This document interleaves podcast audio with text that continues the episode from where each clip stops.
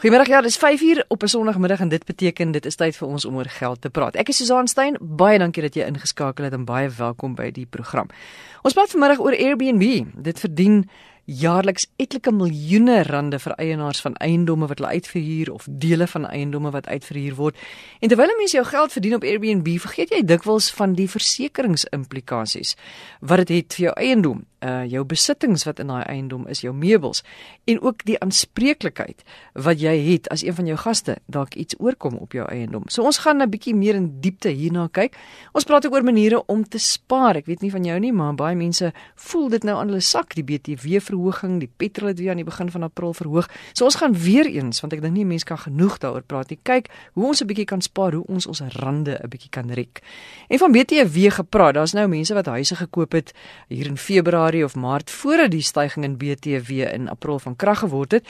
En nou skielik moet hulle daai ekstra 1% opdok. Hulle het dit nog gekoop met die ou prys in gedagte en die 14% BTW, nou is dit 15%. So ons gaan 'n bietjie meer daar oor ook hoor. Maar eers aan die woord is weer aan Nagtegaal. Sy is die hoof van hippo.co.za. Dit is 'n soort aanlyn versekeringsdiens. En weer ons gaan nou praat oor die slaggate van Airbnb, die versekerings of liewer die versekeringsaspekte van Airbnb. Maar net gou-gou eers jy het vir ons syfers van hoeveel mense hulle plekke uitverhuur op hierdie manier en hoeveel geld daar jaarliks hiermee verdien word. Net in die Kaap is daar 17600 aktiewe beleggings vir mense wat hulle huise uithuur in Airbnb. En dan as jy kyk in 2016 daar omtrent 817 miljoen rand verdien deur huishoudings in Suid-Afrika.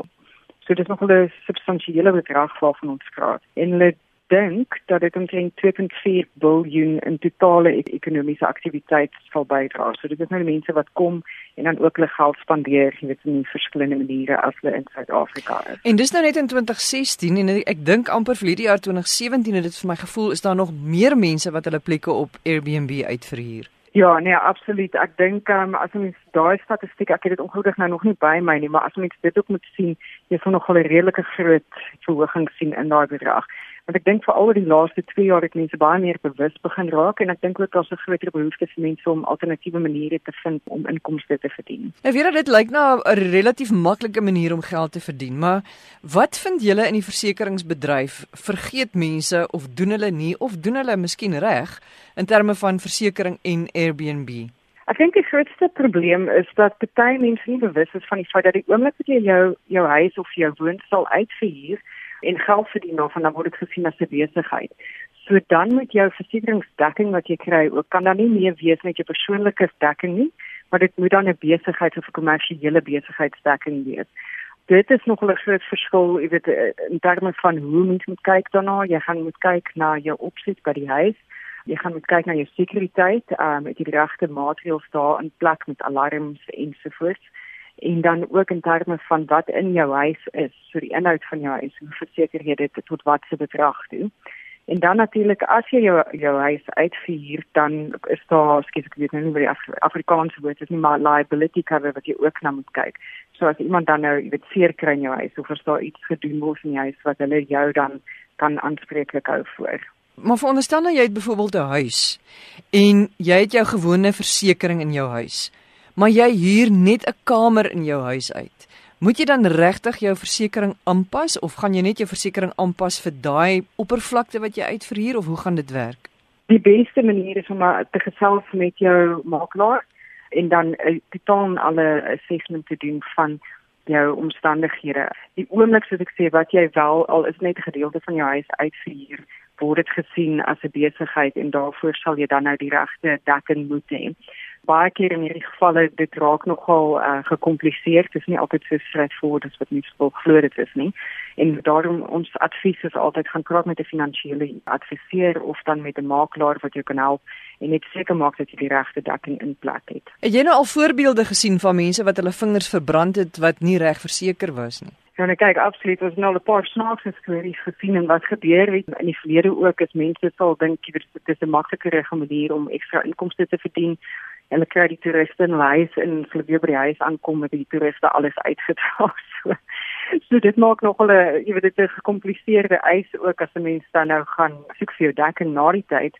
want dit is nie noodwendig diefstal nie dit is gesien in jou in jou besigheidspersoon so ek dink weer eens jy weet mens moet net versigtig wees met hierdie tipe van goeders en seker maak dat jy weet presies waar vir jouself inlaat en dat jy die regte maatreëls in plek het om jouself te beskerm. Jy het ook gepraat van aanspreeklikheidsversekering as iemand uh, seer kry in jou blyplek of iemand dagvaar jou. Kan jy voorbeelde noem van is het dit al gebeur of soos wat kan byvoorbeeld gebeur dat so iets sal gebeur? Want ek dink dit is um, 'n um, geval waar sê nou maar jy het 'n swembad op jou perseel en jy weet die teels is dalk nat om die swembad en 'n kind hardloop en val en en jy weet val sy kop oop dan kan daar ys wees teen jou ehm um, daar's ons 'n klomp voorbeelde waar sien maar jou daar's 'n probleem in jou huis met jou trappe wat ehm um, dalk te glad is 'n kind hardloop af en, en gly. So ek dink jy weet dit is weer eens daai maatreëls wat jy nou moet kyk indien jy jou huis uitvier om seker te maak dat al daai boksies wat getik moet wees om seker te maak dat jy um, nie net veilig is vir jouself maar ook vir jou gaste wat natuurlik die belangrikste deel is dat jy daai maatreëls in plek het. Wat gebeur as jy nou nie verseker is nie? Jy het nou nie met jou makelaar oop kaarte gespeel nie. Jy verhuur jou plek uit of jy dink bloot nie daaraan nie. En iets word gesteel of die mense wat daar bly se goed word gesteel of iemand kry seer. Wat gebeur dan? Gaan jou eis net eenvoudig nie uitbetaal word nie en jy gaan persoonlik aanspreeklik gehou word daarvoor of wat gebeur? Ja, in meeste gevalle sal jy dan sien dat jy persoonlik aanspreeklik sal gehou word daarvoor. En dit kan nogal 'n duur storie word. Ek meen, ehm um, die oomblik wat jy kyk na mediese onkoste of selfs al steel iemand dalk iets uit jou huis uit, ehm um, elektronika of dis meer, jy weet dit is maar 'n hele paar rand waarna jy kyk. So ongelukkig is daar nie baie verweer in sulke tipe van sake nie. So die eis sal direk teen jou ingestel word of as dit dan nou diefstal is, sal dit verwag word dat jy persoonlik, jy weet dit moet vervang wat ook al gesteel was. So dit kan 'n baie duur storie word en dit is ook die rede hoekom ons voorstel dat jy baie mooi kyk na jou huisinhoud en na die tipe dekking wat nodig is en die regte advies kry om te verseker dat jy nie nalatig uh, benadeel word nie. Net gou laaste vraag, as iemand in jou huis bly en daar is 'n inbraak en daai persoon se kameras word gesteel en daai persoon se rekenaar word gesteel en jy is verseker, kan jy dan vir hom eis? Ja, so daar is tipe dekking wat jy kan kry daarvoor, wat voorsiening maak daarvoor en weer eens as dit gesien word as 'n besigheid wat jy bestuur uit jou huis uit, is daar definitief dekking daarvoor en ek dink weer eens om te gaan kyk na die na die hele ekosisteem, so om seker te maak dat jou alarmstelsels byvoorbeeld werk om sodat indien so iets gebeur het jy verweer dat jy kan sê maar dit is gekoppel aan 'n sekuriteitsmaatskappy wat uitgekom het wat kom kyk het en seker gemaak het dat almal veilig is. So ek dink dit gaan jy weet verder as net die fisiese finansiële bedrag wat wat uitstaal word, maar jy wil ook seker maak jou gaste so veilig as moontlik terwyl hulle op jou perseel is. Gaan dit jou baie meer uit die sak jaag as jy nou skielik jou plek moet laat verseker as 'n soort gastehuis? Ek dink as jy dit vergelyk met wat jou persoonlike lyn of jou persoonlike versekerings sal wees met op jou persoon um, en dit vergelyk met 'n besigheidsversekering, ja, dan gaan dit jou 'n bietjie ekstra kos maar dit is beslis nie moeite werd. Jy weet as jy nou kyk as daar nou ongelukkigheid gebeur en jy moet gedek wees, gaan dit nog steeds vir jou ek dink in die lang duur goedkoper uitwerk om daai dekking te hê as wat jy uit jou sak uit dan gaan moet betaal vir enige tipe van verlies of skade. Vera baie dankie Vera Nagtegaal, sy is die hoof van hippo.co.za. Dit is 'n aanlyn versekeringsdiens. Piet Nel is volgende aan die beurt. Hy is hier by my in die ateljee. Hy is 'n geoktreerde rekenmeester wat spesialiseer in belasting.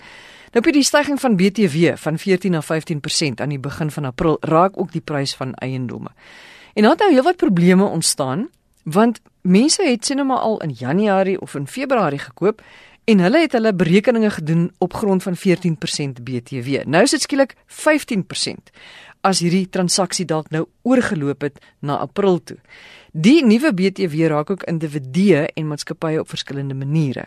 Werp asseblief vir ons 'n bietjie lig hierop.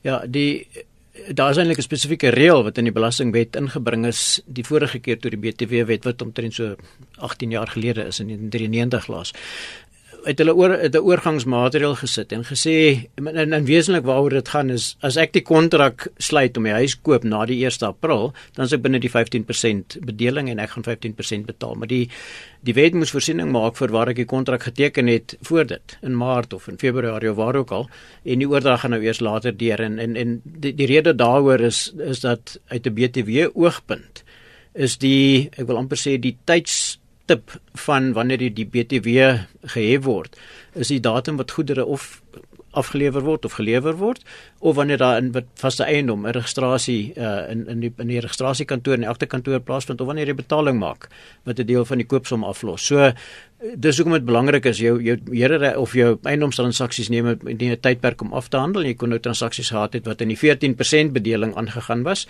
en wat dan die registrasie is in die 15% bedeling is. En die wet in daai oorgangsmaatreël wanneer hy praat van 'n woning So dis goed sluit vaste eiendom in en hierdie vaste eiendom is 'n spesifieke woning wat ons nou maar as 'n gewone woonhuis kan na na verwys. Dan ehm um, as die kontrak geteken was in voor voor einde einde Maart, gaan jy wel 14% bly betaal. So die feit dat dit eers daarna plaasvind, gaan nie dit na 15% vat nie. Terwyl 'n ondernemer En ons gaan nou 'n bietjie meer waarskynlik in detail oor die ondernemer self praat. 'n Persoon wat 'n BT wat 'n gewone kommersiële gebou koop. So hy hy gaan 14% want die die tydstip is dan in die 15%. Hulle is die kontrakte. Hulle gee 'n voorbeeld in hulle in die ontvanger se gids wat hulle uitgegee het om te sê maar hoe hanteer mense hierdie transaksies wat oor die hierdie effektiewe datums um, loop. Sê hulle jy moet jy moet daai 14% kontrak gaan verander om 15% maak. So, okay, maar laat ek jou net goed verstaan. So met hmm. ander woorde as ek 'n onderneming het of ek is 'n sakepersoon en ek het nou iewers op die 15de Maart het ek nou my kontrak geteken want ja. ek het nou 'n pragtige gebou iewers verkoop, ja, ja. Ach, gekoop. Dan beteken dit ek moet um, 15% betaal. Dis korrek. Ja, so die jou jou die die kontrakdatum is is irrelevant vir, vir uit 'n BTW belastingoogpunt. Uh, uh jy kyk na die tydse van lewering en die tydse van lewering is spesifiek artikel 9 3D wat dit sê sê die tydse van lewering van vaste eiendom is die vroegste van wanneer jy die betaling van die koopsom maak of registrasie in die aktekantoor. Hmm en en en nie een van daai gewoonlik gaan jy nie die gebou kontant koop. As jy dit kontant koop, dan is dit nie 14% bedeling. Jy maak eers betaling wanneer die die transaksie afgehandel is. Jy wag vir uitklaringssertifikaat en al sulke goeder. So so daai ding word dan die die die die die kontrak word dan wesentlik in die wet maak voorsiening daarvoor om te sê maar da, jy maak nou daai 14%, 15%. En ek ons het voorbeelde gesien waar mense fakture uitgereik het en die goeder is die kontrak se sluit in in Februarie lank voor die minister sy toespraak gehou het. Mm -hmm. So die het nie dit gedoen eers om om te probeer 'n laer koers kry nie. Ehm um, en dan word dit 15% nou. So hoekom dan nou hierdie onderskeid wat getref word tussen die individu en die in die in die onderneming? Dit was dit was in in die ek het nou baie baie jare laas en ek waarskynlik daai ding nie in detail daai het gelees nie toe dit nou in die wet ingebring is artikel 76 hoofletter A is nou spesifiek. Maar dit was die bedoeling was om te sê dat ons wil vir 'n individu nie hierdie verrassing bring as die koers verander in die in die in die looptyd van hierdie hierdie on, hierdie transaksie nie terwyl uh, op 'n manier gee hulle nou glad nie om vir 'n vir 'n kommersiële gebou nie. Wat nou hmm. jammer is is dat 'n onderneming kan een persoon wees wat 'n klein ondernemingkie het of dan 'n ja. groot onderneming, is ek reg? Ja, dis heeltemal reg. Miskien moet 'n mens bietjie daaroor daaroor gesels want jy kom ons sê nou jy is 'n persoon wat besluit om om eiendomme te koop en kom ons sê woonhuise en en dan maak jy dit reg. Hmm. Jy koop woonhuis wat dalk bietjie afgeleef is en so jy spandeer 'n klomp koste daaraan en nou verkoop jy hom. Nou die gemiddelde woonprys woonhuisprys, ek dink gaan maklik oor 'n miljoen rand hardloop as mense net aanvaar. En as jy meer as een transaksie per jaar doen, het jy daai risiko. So die oomblik wat jy dan nou oor die miljoen rand gaan, dan is jy oor die perk vir BTW registrasie. So jy moet nou jy moet nou registreer. Nou word jou eiendom wat jy koop word nou BTW, jy moet die ja. 14 en 5 of die 15% nou vra aan die nuwe bedeling.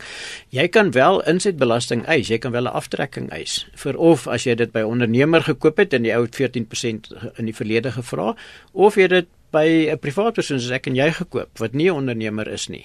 Dan word geag dat wat ek ook al betaal 'n BTW komponent insluit en ek kan dit aftrek, maar dan moet ek 14% vra. So die 15%. Die persoon wat dan by my koop gaan 15% betaal. En selfs net as ek met my besigheid 'n kantoor koop, dan gaan ek ook die insetbelasting op die gebou wat ek of die gedeelte van die gebou wat ek koop kan terugeis want dit is 'n bate wat ek in my besigheid gebruik. So dit maak in elk geval nie saak wat nou gebeur nie hmm. of jy nou koop of verkoop 15% gaan 15% nou, wees ja. ja. So die transaksie nou aangaan op 'n woonhuis en as onthou as dis was jy by onder ontwikkelaar koop. So as ek en jy 'n private transaksie al koop ek jou huis by jou vir 2 miljoen rand, wat ek nou nie sal kom kos nie, maar ja, maar in, in beginsel dan dan is dit 'n hereregte transaksie want ons ons is nie ondernemers nie. Nie een van ons is vir BTW geregistreer nie.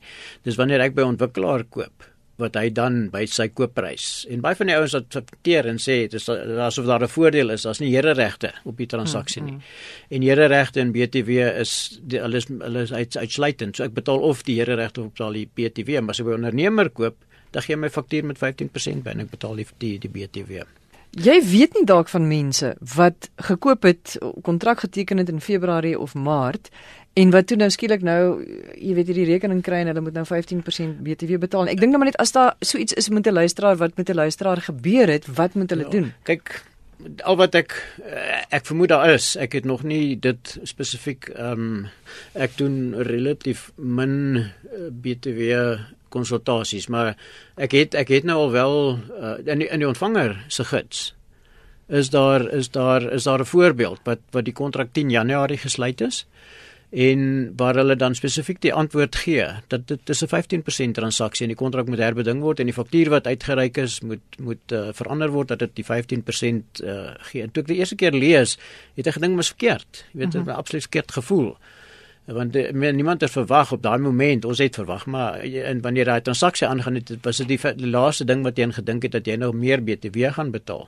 En al wat hier gebeur het is die transaksie is vertraag by die here regte kantoor by die akte kantoor omdat die persoon nie die die uh, elektrisiteit uitslaersertifikate kon kry nie en dit verwag hulle en dit het toe eers ja. na maart deurgegaan en nou die transaksie word nou eers ingedien deur die prokureur. So hy gaan verseker 15% betaal. So dit daar het ons 'n voorbeeld wat daar gee. Ek het self nie sulke uh, voorbeelde gesien nie.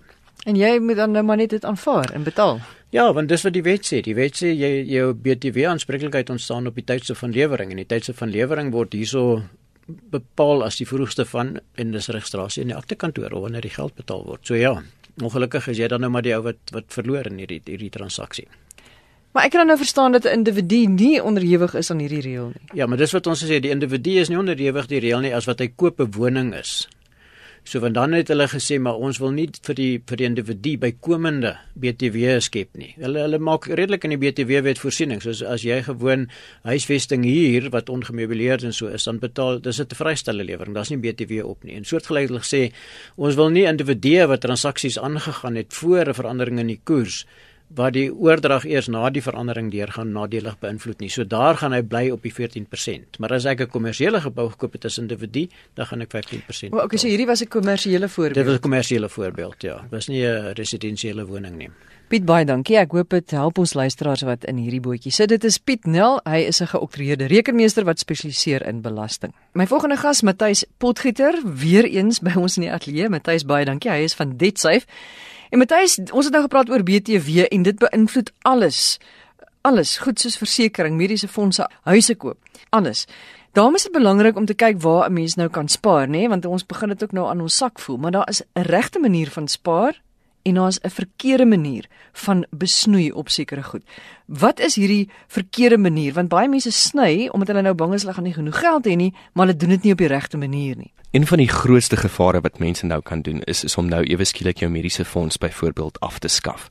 Ek sê nie dit is 'n slegte ding om om dit te herëvalueer en te gaan kyk moontlik dat jy dalk iewers 'n goedkoper opsie kan kry nie.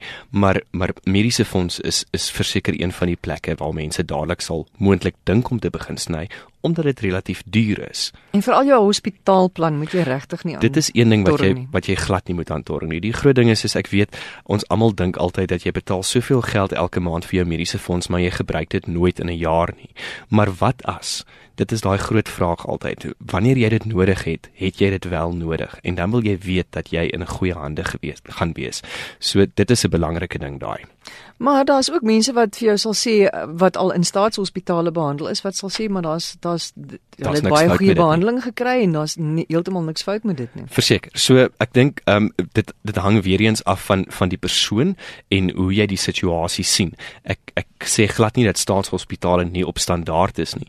Ek dink net wanneer jy mens baie keer kyk na sekere siektes en as ek met voorbeelde gebruik byvoorbeeld soos 'n kanker of iets soos dit waar daar groot bedrae moet betaal word, moet 'n mens partykeer gaan kyk dat jy wel die gerusheid het van iets soos 'n soos 'n mediese fonds of dalk 'n hospitaalplan. En ook as jy kinders het, dink ek. Kinders dink ek is verseker 'n belangrike ding, ja. Sodra jy kinders het, um sê het ek nou eendag het 'n ma vir my gesê, die dag toe sy 'n kind gekry het, weet sy hoe dit voel dat jou hart buite jou liggaam rondloop. En ek dink daai daai was my nog 'n mooi baie opsomming. Ehm ja. um, en ek dink daai tipe van sekuriteit vir jou kinders is baie belangrik. Die tweede ding waar mense gaan 10 teen begin sny is op korttermynversekering. So hulle gaan 10 teen hulle huisraad of moontlik dalk van hulle kar se versekering wil ontslaa raak. Wat jy moet onthou wanneer jou kar gefinansier is, wetlik word dit vereis vir jou om versekerings te hê terwyl jou kar onder finansiering is. So om daar te gaan torring is noodwendig nie altyd 'n goeie plan nie. En as jy daar wil gaan torring, as jy nou regtig moet, maar jy moenie aan jou derde party uh, versekering torring nie, want jy wil nie graag aan iemand anders se duur Porsche vasry. En dan is dit jou, mm. dan is dit jou die eier op jou gesig nie. So dit is verseker iets daarso wat mense moet gaan kyk weer eens. Ek sê daar's niks fout daarmee om bietjie te gaan rond rondsoek nie. Gaan kyk na ander moontlikhede, gaan kyk na ander um, maatskappye of hulle vir jou 'n beter diens en 'n beter prys kan gee. Dis verseker 'n manier, 'n slimmer manier om daar te sny. Die ander ene is iets soos byvoorbeeld lewensversekering. Um, veral weer eens as jy getroud is en jy het kinders om nou jou lewensversekering moontlik af te skaf. Die groot ding is, is as jy al vir geruime tyd jou lewensversekering betaal het, jy, jy daai en jy kanselleer hom nou, daai geld het jy in die water gemors. Ehm um, jy gaan niks daarvoor terugkry nie. So ehm um, gaan kyk mooi na dit. So ek dink mense moet gaan kyk na hulle portefeulje, hulle finansiële portefeulje en en laat iemand dalk kundige persoon dalk daarna kyk en en vir jou sê waar jy kan spaar, maar moenie jouself in die voet skiet met daai tipe van goederes nie.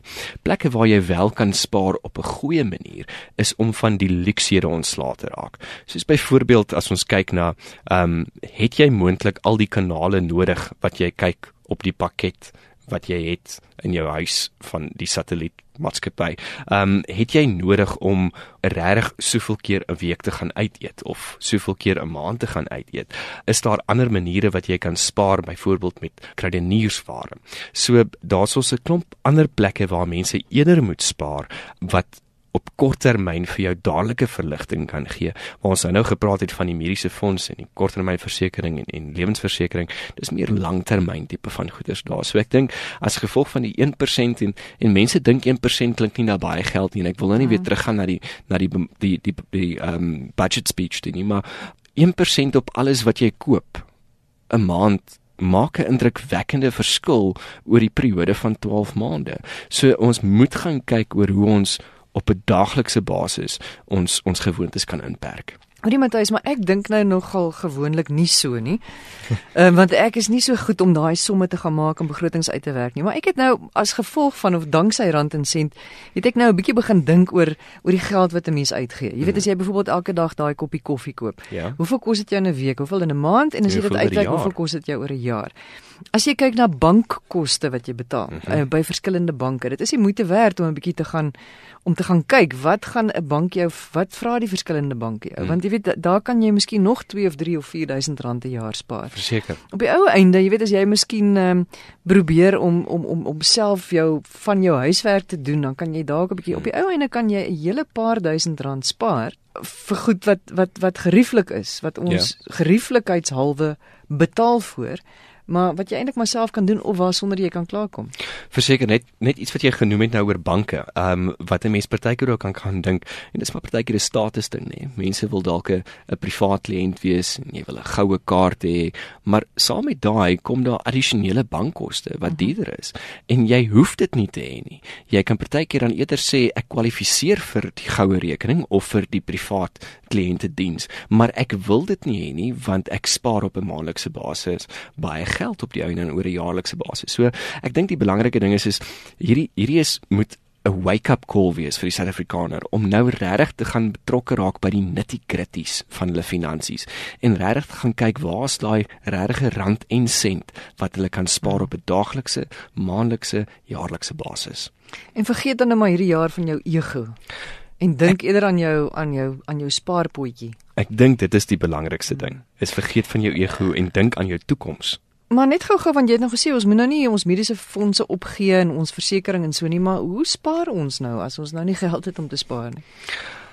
Daai is altyd 'n moeilike ding, maar my ouma eh, quote ek nogal baie want ek dink sy was 'n verskriklike wyse vrou. Sy het altyd gesê waar daar 'n wil is, is daar 'n weg. En ek dink dat ons het al baie keer ek en jy het ook al daaroor gepraat dat ons as Suid-Afrikaners het het ongelooflik baie geleenthede en ons is ongelooflike kreatiewe mense. So daar's maniere hoe ons hier en daar 'n gaatjie kan toestop deur ander goedjies ook te doen. Soos as jy vlugtig is in die kombuis of as jy ehm um, miskien naaldwerk doen, dan is daar 'n manier vir jou om dalk 'n ekstra inkomste in te bring. So ek dink die Suid-Afrikaners moet moet gaan kyk net wendig na hoe ons altyd net kan sny nie, want dit is dit is die maklikste ding, maar dis partykeer 'n pynvolle ding. Mm. En en dan kry jy elke maand seer en jy jy, jy val amper in hierdie negatiewe siklus in. Gaan probeer eerder kyk na moontlikhede hoe jy jou inkomste kan groter maak of kan byvoegings maak tot jou inkomste sodat jy nog steeds jou lewensstandaard kan lei wat jy verwag van jouself. Matthys baie dankie. Soos altyd baie lekker om met jou te gesels. Dit is Matthys Potgieter. Hy is 'n skuldkenner van DebtSafe. Dis die einde van ons program. Onthou as jy weer na van ons praatjies wil luister, gaan na www.rsg.co.za, klik op potgooi, gaan na rand en sien dan kan jy weer luister. Die e-posadres susaan@rsg.co.za. Susaan by rsg.co.za. Jy spel dit S U Z A A N.